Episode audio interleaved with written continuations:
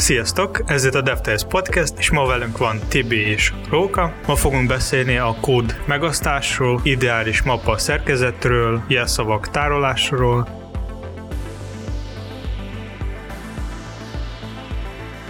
Na, beszéljünk először előre a mappa szerkezetes témáról. Mit gondoltok? Milyen a jó mappa szerkezet egy-egy projekthez? Hát itt szerintem attól függ, hogy mi, mi jut az architektúra a projekten belül. Mire gondolsz, milyen architektúrára?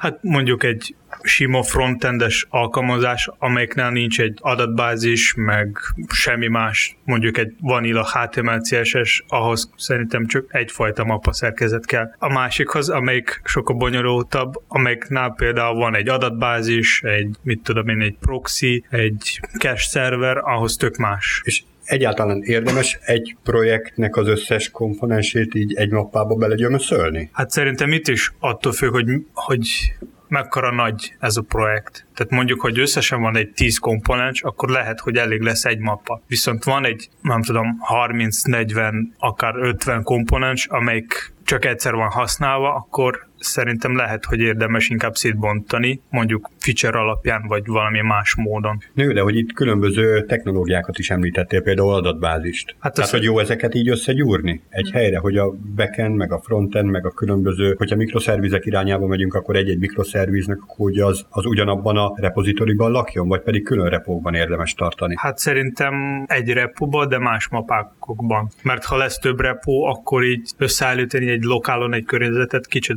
sokkal, sokkal nehezebb lesz. Az lehet, viszont így külön tudnak haladni a különböző fejlesztők. Tehát külön tud a backend fejlődni, meg külön tud a frontend fejlődni. Nem, hát, kell, nem kell egymásnak a bígyeit megvárni. De ez ugyanúgy lehet megoldani egy repon belül. Tehát, hogy mindenki saját dolgot csinál, csak egy, egy repozitorin belül. Na igen, csak hogy amikor nekiállsz mondjuk egy csomagot kiadni, és csak a frontend változott. Mondjuk valamilyen CSS új, új arculatot kapott, új dizájn kapott. Ezért tök fölösleges a backendet is kicsekkolni, és akkor a, a, azzal azt ott kerülgetni gyakorlatilag. Attól még, hogy egy repozitoriban vannak, nem azt jelenti, hogy egyszerre ki is kell adni csomagot belőle. Tehát nem muszáj egy csomagként értelmezni a, a backend meg a frontend részt. Tehát lehet attól még külön, külön kiadni be, külön buildet készíteni belőle, külön csomagot kiadni. Nincs, nem valószínűleg külön kell buildet készíteni, mert hogy máshogy buildelődik az egyik alkalmazás, meg a másik alkalmazás. Igen. Csak hogy ott vannak egy, egyszerre, és amikor kicsekkolod, akkor egyszerre fog kijönni. Értem, Illetve ez fejlesztési hogy... időben nem jó, hogy neked nagyobb, igen. ez, hogy gyakorlatilag nagyobb repóba dolgozol. Így van. Szerintem akkor most melyik a jobb? Hát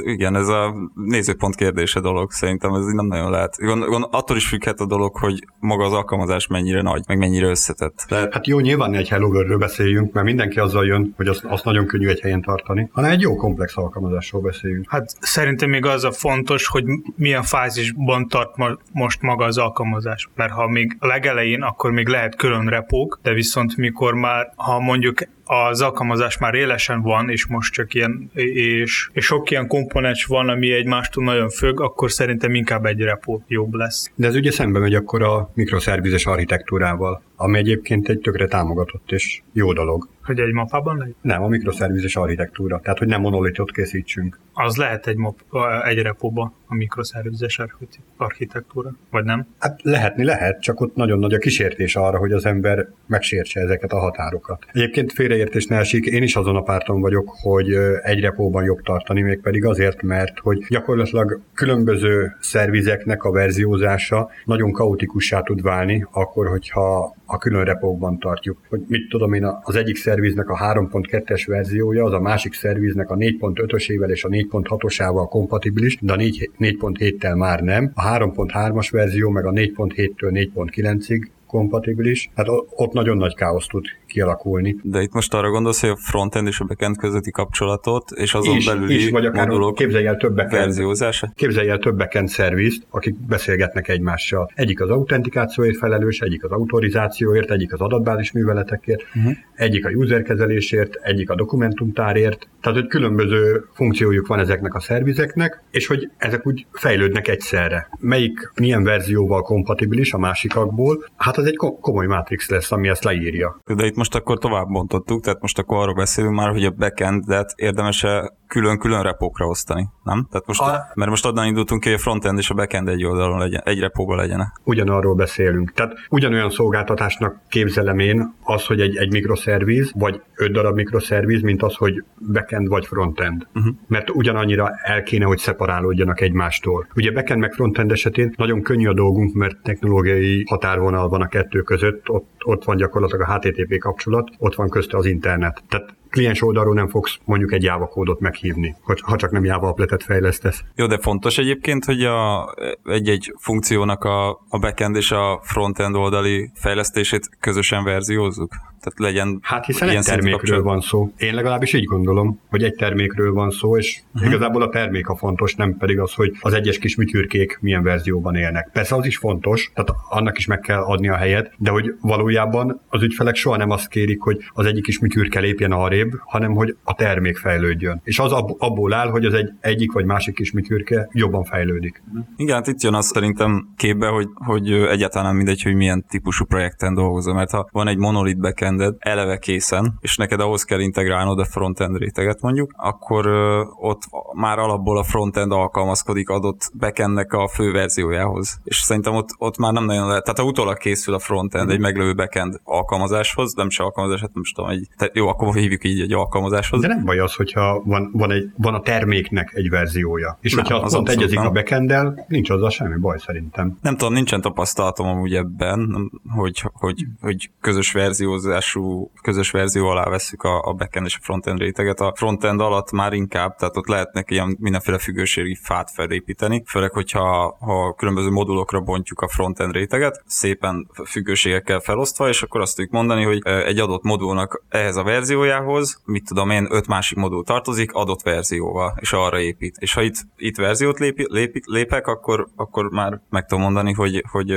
Na de vannak ezek a moduloknak sok verziója, és egy-egy kliens kliens oldali komponensnek lesz több változata, több élő változata, több verzióban fut. És akkor az egyik helyen az egyiket használod, másik helyen a másikat, de hogyha mondjuk egy oldalon szeretnéd mind a kettő, mind a két verziót, tök nagy problémát tud okozni. Ezért lehet, hogy célszerűbb ezeket egy szinten tartani, és hogy tényleg a terméknek a verziójához alkalmazkodjunk, ne pedig a műtürkék határozzák meg az egész nagy egésznek a, a létét. És akkor visszakanyarodva az eredeti témához, hogy milyen az ideális mappa szerkezet, mert hogy onnan indultunk. Szerintem az az, az a ideális mappa szerkezet, amikor a csapat az érzi, hogy ez már jó. Tehát, hogy annyit kell mozgatni a fájlokat meg a mappákat, amíg a csapat nem lesz elégedett. De ez minden csapatnál más és más, mert hogy különböző felkészültségi szinteken, különböző tapasztalati szinteken vannak a fejlesztők, és van, aki már belegondol olyat is, amire a többiek még nem is gondolnak. Ha csapat szeretne jóban csinálni, és nem tudja, hogy hogy, akkor fog kérdezni. Ha nem szeretne, akkor az fog maradni, ami, amit kitaláltak. És ami még ezzel a probléma, hogy tökre nem lesz egységes. Hát ha, ha ez az elvárás a, a több csapat között, hogy legyen egységes, akkor mindenki fog próbálni egységesen csinálni. Ha nincs ilyen elvárás, akkor igen, baj lehet. Vagy nem.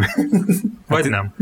Itt megint talán az a nehézség, hogy a teljes csapat, nem, hogy egy csap, nem egy csapatra gondolok, hanem mondjuk tegyük fel van egy cég és cég szinten úgy, dönt, úgy döntünk, hogy na most mi kitálunk egy, egy sajátot, vagy pedig azt mondjuk, hogy jó, ez a cég, vagy most egy adott technológiát használ, mondjuk frontend oldalon, és akkor lehet, hogy az az adott technológia már hoz magával egy ajánlást, hogy ebben a, ezzel a technológiával ezt a fajta könyvtár struktúrát technológiát ajánlott használni. Mm. És akkor nincs kérdés, ha valaki jön a céghez, meg mondjuk neki, hogy használd ennek a technológiának a, az ajánlós könyvtár struktúrát, vagyis nem használt, hanem olvasd el, hogy az mi, meg hogy van, és kész puff, ezt használjuk, és akkor nincsen gond. Csak ezzel az a baj, hogy az adott technológia, ő csak a saját magadra néz. Tehát ő nem néz, hogy nem figyel arra, hogy milyen még függőségek lehetnek. Nem veszi figyelembe az egész projektet, mert lehet, hogy hozol egy valamilyen technológiát, mondjuk egy angulárt, és az ajánl valamilyen mapa szerkezetet, de tökre nem veszi figyelembe, hogy te ez mellett még miket használsz, és miket csinálsz, és hogyan csinálod. Igen, az már egyéni döntés. Az viszont már csapatszintű és pont azért érdemes lehet ezeket egy kicsit mutálni egyrészt, másrészt meg, hogy e- ez a fajta mutáció, ez nem biztos, hogy érdemes így nagyon korlátlanul elengedni, vagy a csapat saját maga, szóval érdemesebb irányvonalakat lefektetni, hogy merre fele érdemes haladni, mert különben nagyon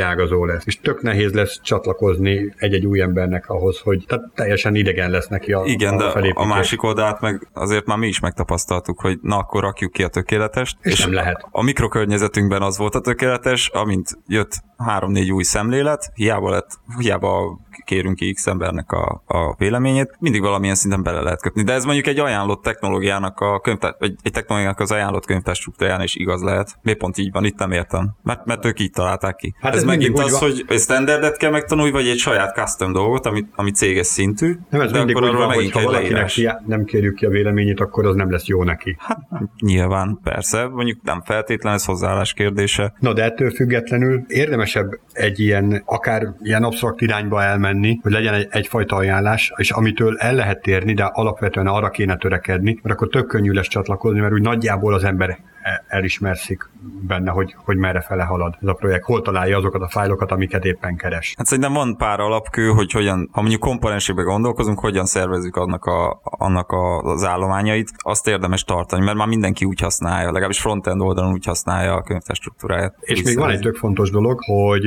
egy-egy ilyen ajánlott a szerkezet azt nem kötelező betartani, tehát nem az kell, hogy mindenképp legyen egy olyan mappánk, hogy X, és abba tartsuk az Y dolgokat, akkor is, hogyha nincs is Y dolgunk, mert én már láttam erre is példát, és az nagyon nem jó, hogy csak azért, mert le van írva, hogy ez az ajánlás, és akkor agyatlanul így csinálja az ember, azért észre kell csinálni. Tehát most arra gondolsz, hogy, hogy agyatlanul követünk egy ajánlott struktúrát, mert hogy az az ajánlott, és akkor mi mindenképp úgy használjuk, de mégis vannak benne logikátlan dolgok. Ami... Hát nem biztos, hogy logikátlan, csak az adott projektre nem igaz. Aha. Vagy sőt, kifejezetten ellenjavalt. Na és egyébként szerintetek miért fontos ezt betartani, hogy legyen egy ideális mappa szerkezeted? A projekteden belül? Hát tök nagy segítség, hogyha van egy design style guide, vagy egy kódolási style guide, ami viszi az embert, hogy egy-egy új dolgot azt hogyan és hova tegye. De, Mert különben csak úgy oda fogja hányni. És ez... de, de, de ezt gondolom, hogy ar, vagy arra gondolsz, hogy javaslatként. Igen, igen, pont ahogy az előbb mondtam, tehát nem egy kőbevésett dolog, amitől nem lehet eltérni, mert simán lehet, hogy az adott projekt, adott igény, az pont szembe megy azzal az ajánlással, és olyankor változtatni kell rajta, muszáj, mert különben na- nagyon nyakatekert megoldások lesznek. Tehát a célja az az, hogy új ember belép a projektbe, és könnyebben kiismerje magát. Igen, nem? Egység, egységes Ezen legyen. Ne kelljen, mint egy labirintusba mászkálnia. Így van. Így. Hát, hát még egy másik az, hogy mondjuk, hogy a cégen belül van több csapat, több projekt, akkor hogy mindenkinek legyen kicsit könnyebb így mozgatni a projektek meg a csapatok között. Könnyebb legyen átszokni egyik projektre a másikra. Igen. Mondjuk ez olyan esetben izgalmas, amikor egy cégnek csak egy projektje van, és azt tutulgatja éveken át. Ott nem, ott nem merül fel ennyire, mert ott, ott egy projekt van, egyszer ránéz minden új ember, ki lehet, hogy furcsa neki, lehet, hogy nem, lehet, hogy azt mondja, hogy így a legjobb, lehet, hogy azt mondja, hogy az egész így rossz, de megszokja, és igazából nem kell átmenni a másik projektre, tehát onnantól kezdve beleszokik és csinálja. Ez olyan, mint egy rossz kapcsolat. egy idő után. Igen. Egy cég, egy projekt, egy mappa, egy komponens, egy fájl. Igen. Tehát amellett, ami fontos, hogy, hogy könnyen megtaláld, amit keresel, hogy egy funkcióhoz tartozó dolgok egy helyen legyenek, ne kelljen össze-vissza ugrálnod. Illetve az, hogy szerintem, ha egy, egy, egy repóba is kerül a, a backend és a frontend rész, akkor a, a repon belül is ezt nyilván el kell különíteni. Persze.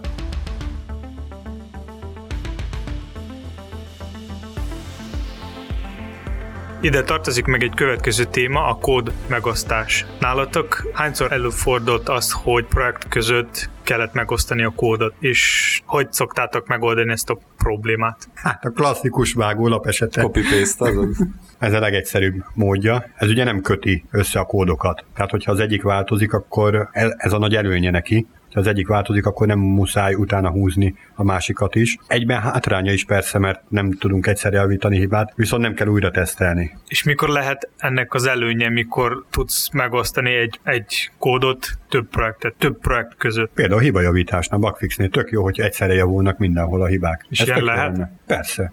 Simán előfordulhat, viszont ez tök nagy kockázata lehet annak, hogy egy lezárt projekt esetén is változik a kódbázis, holott azt nem kérte senki. Na jó, de pont erre van a verziózás. Tarthatod, tehát egy helyen megírhatsz egy megoldást, és azt mondod, hogy abban az egy adott projektbe ennek a megoldásnak én azt a verzióját akarom használni. Na, akkor mondom, Tovább. van egy A nevű libed. Ennek kiadtad az 1.0-ás verzióját. Kiadtad két ügyfélhez. Az egyik ügyfél bejelenti, hogy van benne egy X hiba, javíts ki. A másik ügyfél bejelenti, hogy van benne egy Y hiba, javíts ki. Kiadod 1.1-be a javítását az X hibának, de ezt nem teheted ki a másik ügyfélhez, aki csak az Y-nak a javítását kérte, mert lehet, hogy ő pont megszerette azt a bagot, mert ő azt egy feature-nek éli meg.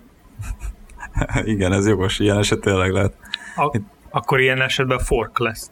fork hát, lesz, igen. Igen, csak akkor már rögtön két terméked van, több verzióval él, és akkor azokat minden életben kell tartani. Előírás a verziózásnak az, hogy egy, tegyük fel, van egy 1.1-es verziód, és tehát mondjuk 1.0-ra indultunk, kijavítottál egy bugot, ami az egyik ügyfélnek bug volt, a másik ügyfél nem kéri azt. Utána csinálsz, a másik ügyfél is bejelent valamit, azt is kijavítod, viszont az előző ügyfélnek meg az nem kell. Tehát, hogy úgy verziózod gyakorlatilag, és akkor azt mondod, hogy jó, innentől kezdve az az, az egy-kettőd. Tehát így szabad léptetni verziót, vagy csak akkor szabad léptetni verziót, hogyha az előző verziónak minden tulajdonsága benne van az újabb verzió nem, is. Nem muszáj benne legyen tehát semmilyen kötöttség nincsen, de ettől függetlenül tök nehéz lesz utána karban tartanod, mert hogy van az egyik ügyfélnek az 1.1-es ág, a másiknak az 1.2-es ág, és kér, vagy szeretnél kiadni egy, egy teljesen új feature-t, mondjuk egy kettes verziót kiadni az egészből, és egyszerűen tök nehéz lesz, mert kettő-kettest kell már, már rögtön kiadnod. Szerintem erre egyébként, ha abba gondolkodunk, hogy, hogy mondjuk céges szinten akarunk egy ilyen, nem is tudom, ilyen default komponens készletet csinálni, vagy egy alkalmazás készletet, vagy tényleg egy olyan megoldásokra alap, meg, alap ö, ö, funkciókat,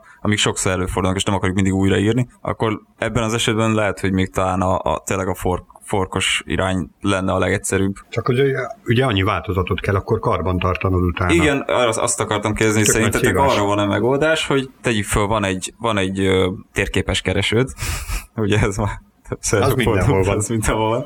Van annak valamilyen verziója, mindegy, de egy, egyfajta megoldás arra a térképes keresőre. Kéri egy, egy ügyfél, beteszed a projektbe, és még kér az, azon kívül egyébként ötféle módosítást ezen a térképes keresőn, ott megcsinálod. Aztán kér egy, egy második ügyfél is, ott is beteszel a projektbe, ő is kér ötféle, ötféle változtatást, és abból az ötből mondjuk a három megegyezik az előző ügyfél kérésével is. És esetleg van egy harmadik ügyfél, ott meg megint kettő olyan van, ami az előző kettőben is benne volt. Tehát, hogy az működhet-e, hogy megnézzük, hogy mik azok a általános javítandó, vagy nem is tudom, ilyen változa, változást igény, változást, változtatási igények, amiket mindig kérnek, na azt visszavezetni az eredeti verzióba. Hát én inkább a copy-paste mellett tenném le a voksot, és úgy, ahogy te mondod, hogy megnézni, hogy mi az, ami úgy általánosan jelentkezik, azt visszavezetni egy ilyen közös kódbázisba, amit nem direktbe összelinkelni a projektekkel, hanem csak ilyen úgymond lazán összelinkelni, hogy abból másoltam le, de gyakorlatilag onnantól kezdve szabadon él. És, és persze nincs verziót lép olyankor, az Igen. eredeti, tehát azt, azt, viszont a,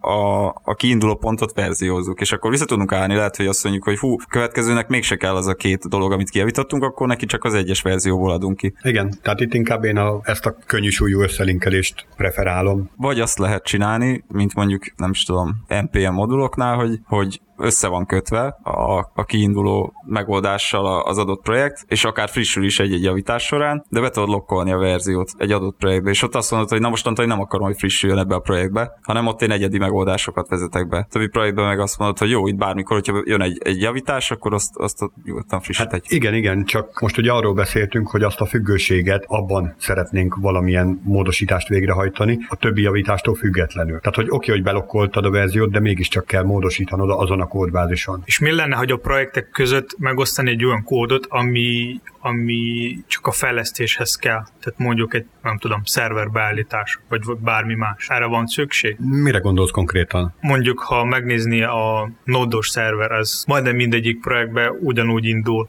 hogy nem tudom, Express szolgálj ki onnan, meg innen, az meg az, kb. mindenhol ugyanaz, csak más a, nem tudom, url vagy pászok. Tehát lényegében más. Hát az lehet egy konfigurálható dolog. Minél inkább általánosabbra írunk meg egy szoftvert, annál kevésbé való bármire is. Tehát, hogyha nagyon-nagyon mindenre konfigurálhatóra készíted, annál kevesebb dologra lesz jó. De ne, nem, nem arra gondoltam, hogy mindenre kell felkészülni, hanem bizonyos részeket lehetne így. Alapvetően jó ötlet. Hát tök jó, minden, minden olyan ötlet tök jó, amivel így kódolási időt lehet spórolni. Mert mondjuk szerintem sokkal könnyebb lenne, hogyha te behúznod egy nem tudom, kódrészet, amit csak egy dolgot tud meg jó tud, és, és igazából nem kell vele csinálni sem, csak, és behúzott pár ilyen, és akkor mondjuk összeáll neked egy nódos szerver. Szóval ez a probléma, hogy a kód megosztás az nem, nem csak mi vagyunk egyedül ezzel, hanem... Az interneten másnak is van ilyen problémája? Igen, képzeld el, wow. hogy, hogy az interneten másnak van, volt talán, még szerintem még van is ilyen probléma, és erről van több cikk, volt egy Smashing magazine egy cikk erről, és van egy ilyen tool,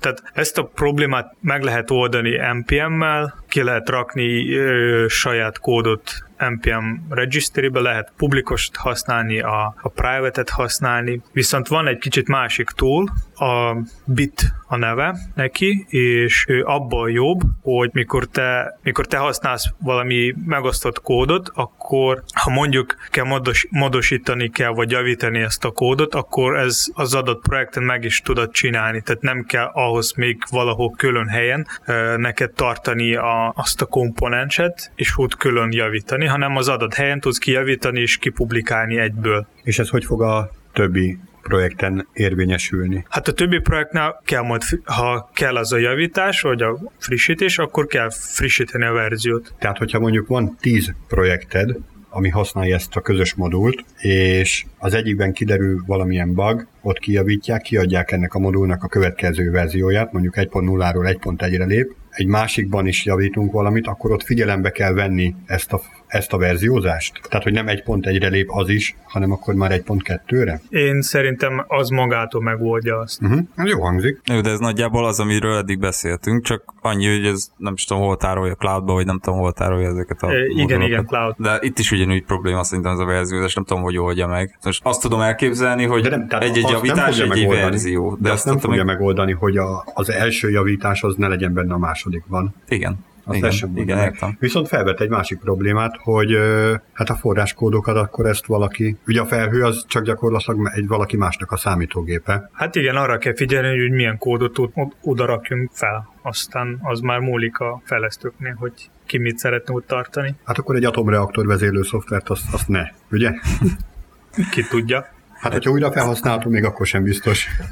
Mit gondoltok arról, hogy, hogy jobban szét kell szabdolni egy-egy modult, tehát kis egységekre, nagyon, a legkisebb ilyen, nem tudom, mini egységekre, és azt külön verziózni. És akkor te azt mondod, hogy én szeretném azt a modult, de azon belül az egyes kis egységeknek ilyen-olyan-amolyan verzióját. Tudsz mondani egy konkrét példát? Mire gondolsz? Hát például nem tudom, maradjunk a térképes keresőnél, mondjuk ez nem a legjobb példa, de tegyük föl legyen az, megnézed, hogy ez hogy épül föl, van benne egy kereső, van benne egy, egy gomb, van benne nem tudom, maga a térkép, a térképen megjelenő pinek, Tehát akkor mondjuk a gombnak, vagy a gombon megjelenő szövegnek is külön komponenst adnál? A gombon megjelenő szöveg eleve tud fogadni paraméterben mondjuk szöveget. Tehát akkor az lenne egy szöveg nevű közös kód részlet, ami azt tudja, hogy szöveg. Jó, nyilván az a legegyszerűbb eset most ez a gomb téma. Hát, de, tehát, hogy mennyire kicsire gondolsz? Hát, egyébként ennyire kicsire, mert, mert lehet, hogy az van, hogy a, én nem is tudom, most pont egy gombon milyen olyan változtatás lehet, ami, vagy ilyen hiba bejelentés, ami ilyen óriási verzió lépést eredményez, de de mondjuk így akkor kis egységenként adott esetben lehet, hogy meg tudod mondani, hogy, hogy oké, okay, mit tudom én, 10 kis egységből áll egy modul, abból 8-nak használom a fix verzióját, és, és nem baj, hogyha jön mindig a legfrissebb belőle, viszont kettőt meg nem szeretném, hogy frissítsen, hanem csak helyileg, lokálisan javítom abba az adott projektbe. Ez a dolog alapvetően egyébként tök jó, viszont magával hoz még egy olyan problémát, hogy mondjuk úgy az internetben felelhető libek, azok arra építenek, ami, ami már úgy eleve adott a böngésző által. Tehát mondjuk, hogyha gombról van szó, akkor a gombon, tehát mondjuk egy input type submitnek a value a value attribútumára épít hogy abban milyen string van. De hogyha te ezt elkezded valami másik komponensbe tenni, és utána szembe jön az, hogy ezt dinamikusan szeretnéd hogy valami JavaScript változóból jöjjön ennek az értéke, vagy ne adj Isten még összefűzve egy konstans résszel, akkor már tökre nagy bajban leszel, hogy akkor ezt a dinamikus részt, ezt is vezest ki attribútumba, hogy akkor a szöveges komponensed azt tudjon fogadni még egy dinamikus paraméter, vagy mondjuk egy adott projekt megkövetel, hogy kettőt fogadjon, vagy n darabot, és akkor el fogsz készíteni egy olyan nagyon általános komponens, ami tud szöveget, nagyon jól, nagyon végtelen jól, viszont nagyon sok kód tartozik hozzá. És tök nehéz lesz használni,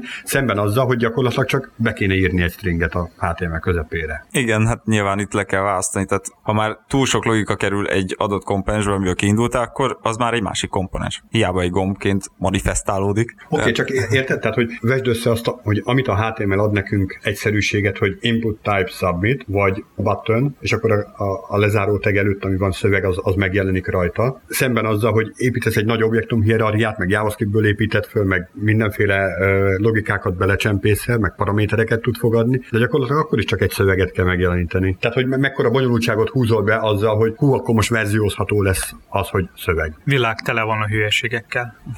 Nem muszáj követnünk. Én amúgy, amúgy, amit mondtad, hogy az adatkomponenset szétbontani kisebb komponenseket azon belül, arra gondoltad? Vagy Nem feltétlen azon belül, használhat általános komponenseket. mert én, amit te mondtad abban a példában, én csak azokat a komponenseket így verzióznék, ami, ami mondjuk több, több helyen is van használható. Ha van egy nagy komponens, és ami, ami lehetne szétbontani valami kisebb részekre, és az a nagy komponens csak egy helyen van használva, én nem, nem külön szétbontanék. Tehát, hogy neki lehet, lehet, lehet több verzió, de, de nem biztos, hogy azon belül még valamit verzióz. Jó, de mondjuk olyat is lehet egyébként, hogy van egy, egy komplexebb komponensed, aminek alkomponensei vannak. És ez lehet például gomb, lehet kétféle gomb alkomponense, csak defaultból az egyiket húzza be, de lehet, hogy adott projektbe te a másik, projekt, másik gomb komponens használod belőle. Ha Érted? ez a komponens tartalmaz olyan komponensek, ami több helyen van használva, azok a komponensek, az lehet verziózni. Uh-huh. Arra gondol. Igen, abszolút. Szerintem itt minden a verziózás kérdése, tehát az oldja meg az ilyen típusú problémákat, csak nem mindig egyszerű. És, és, hány, és hányszor előfordul, el, előfordult az, hogy kellett verziózni valamilyen komponens? Vagy ti legalább ezzel találkoztatok? Én eleve az újrafelhasználással sem túl gyakran hasz, találkozok. Hát én tudatos, ha, ha tényleg úgy van felépítve a projekt, már az elejétől kezdve úgy van megtervezve, hogy na itt most mi újra felhasználható dolgokat szeretnénk legyártani, és később, később lesz öt másik projekt, ahol majd igenis ezekre szeretnénk építeni, akkor talán. Akkor szerintem lehet úgy tervezni. De az is projektek között. De Igen. projekten belül gyakorlatilag csak az atomi szintű dolgokat tudod újra felhasználni. Mondjuk egy Há, igen, a gombot. kis legó kockákat, amikből összerakosgatod a komplexebb konténer. Mondjuk egy gombot. De hogy egy gomb önmagában is annyira egyszerű, hogy minek abból még valami bonyolultat gyártani. Nem kell bonyolultat gyártani belőle.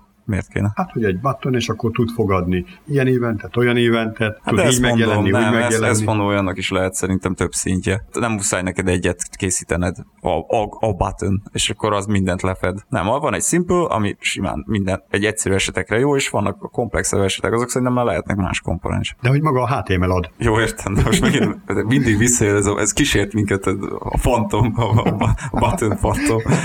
Mindig tartunk, de legközelebb kinézünk egy másik elemet. Input. Input.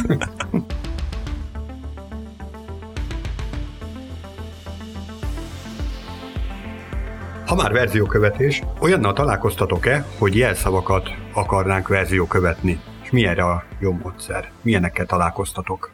TXT a gépen. És ez jó. Annyira nem. Annyira nem biztos. Hát gyakorlatilag tényleg bármi történik a gépeddel, akkor az ugrott, és nem tud senki oda már belépni. Hát, pontosan. Annyira nem. Szek- Security szempontból annyira nem jó megoldás. Akkor floppy. Igen, mindenképp. Amúgy nem régen én olyannal találkoztam, hogy a Twitteren, nem emlékszem pontosan ki, egy olyan tweetet írta, hogy, hogy a Google-ben a, lehet találni a, a .env fájlokat, tehát azok a fájlokat, ahol általában szoktak a fejlesztők jelszavak tárolni. Tehát az azt jelenti, hogy a, vannak olyan oldalak, ahol az a .env fájlok a publikus, publikus mapában van, ami van kiszolgálva az ők szerverrel. Na akkor egy kicsit visszább, hogy az a .env, az gyakorlatilag környezeti változókat ír le, és általában az a jó gyakorlat, hogyha nem a Git repóban tartjuk közvetlen a forráskódba beleégetve ezeket a hozzáférési adatokat, hanem valahol attól elszeparálva, hogy a kód meg a hozzáférési adatok azok külön, külön legyenek. És ezek a .env fájlok ilyen környezeti változókat építenek fel, és hogy abban vannak így jelszavak, csak hát az gyakorlatilag kikerülnek az internetre, és így bárki meg tudja nézegetni, hogy milyen jelszavakkal működik a háttérben a rendszer, és hát ez egy erős biztonsági kockázat. Ugyanúgy, mint hogyha ilyen publikus git repóba, vagy bármilyen git repóba például benne lenne hardkódolva az adott jelszó hozzáférés. No jó, de alapesetben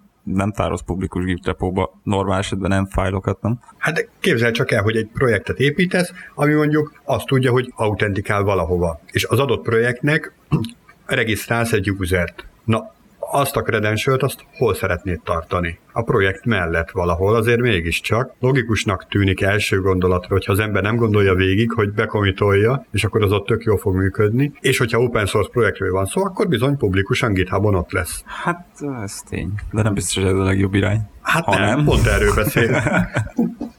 hogy ilyen is van, de hogy ez abszolút nem követendő. Van rá megoldásod, Róka? Én egyébként azt tudom javasolni, hogy egy másik repóban, Aha. A repóban verzió követve. Egy másik publikus repóban. Nyilván egy privát repóban, de hogy egy másik repóban verzió követve lehessen ezeket tárolni, elkülönítve a, a projektől, de gyakorlatilag mégiscsak látszódik a tulajdonos számára, hogy ezek összetartoznak. És így ezzel megoldott az is, hogy hát gyakorlatilag ennek a jelszavas témának a verzió követése, mert tök fontos lehet az, hogy megváltozott a jelszó, és kiváltoztatta meg mikor és miért. Míg hogyha csak az adott rendszeren él a jelszónak a változtatása, meg a, a módosítása, tök nagy szívás lehet abból, hogy valamilyen rendszergazda policyből átállítja, mert neki ez a dolga, és egyszer csak nem működik az alkalmazás. Nem, nem tudjuk, hogy mi történt, hogy miért. Uh-huh. Szemben azzal, hogyha ez így verzió követve van, akkor tök jó nyomon követhető a dolog. Könnyű visszaállni esetleg, hogyha szükség van rá. Szóval azt mondod, hogy a mostani ilyen jelszó tárolás alkalmazásokban pont hiányzik a, a verziózás. Az a gyakorlat, hogy kézzel valahol, valahonnan kimásoljuk, de nem Ha már ezekről az alkalmazásokról van szó, mondjuk például ilyen a KeePass, meg az ehhez hasonló szoftverek, hát ott például probléma az, hogy ezek nem tudják abba az automatikus continuous deployment folyamatba bele injektálni a, a jelszavakat. Tehát, hogyha ezt így szeretnénk automatikusan művelni, hát akkor nehéz.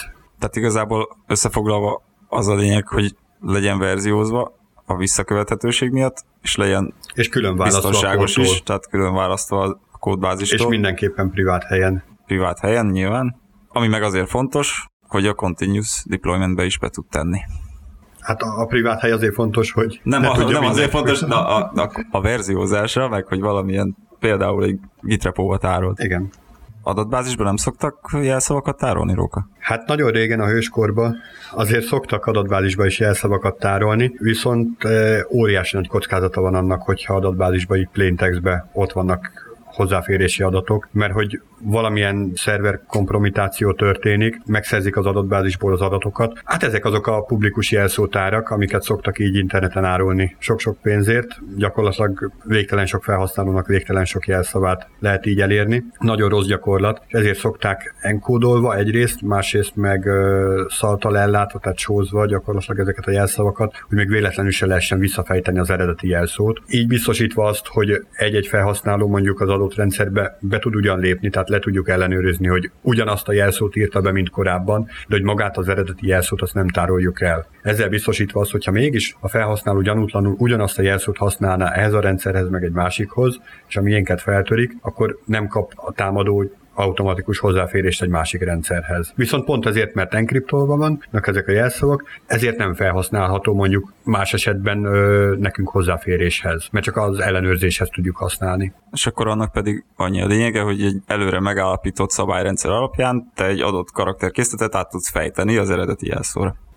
Nem, pont az, hogy nem, hanem valamilyen szabályment, szabályrendszer mentén egy veszteséges ö, átalakítást végzünk. Tehát az, az volt a jelszavad, hogy alma, ebből átalakítjuk valami csúnya hexakóddá, hogy az lesz a jelszavad, de van még több más olyan string is, ami ugyanezzé a, a csúnya stringi alakul egyrészt, másrészt tök nehéz, matematikailag nehéz visszafele kódolni ezeket a jelszavakat. Ez a része ez azért fontos, hogy nehogy brute force vissza lehessen fejteni a uh-huh. dolgot. És régen nagyon nagy biztonságot adott például az MD5 kódolás, de gyakorlatilag amióta szivárványtáblás támadások megjelentek, azóta így pár másodperc alatt egy MD5 kódolás visszafejthető. Most jelenleg az SH 512 és annál erősebb kódolások azok, amik éppen divatban vannak, és elég erősek ahhoz, hogy egy hagyományos PC-vel évezredekbe teljen ezeknek a visszafejtése. Persze, ahogy erősödnek a hardverek, nyilván ez gyengülni és változni fog, de most ezek jó, jó minőségűek.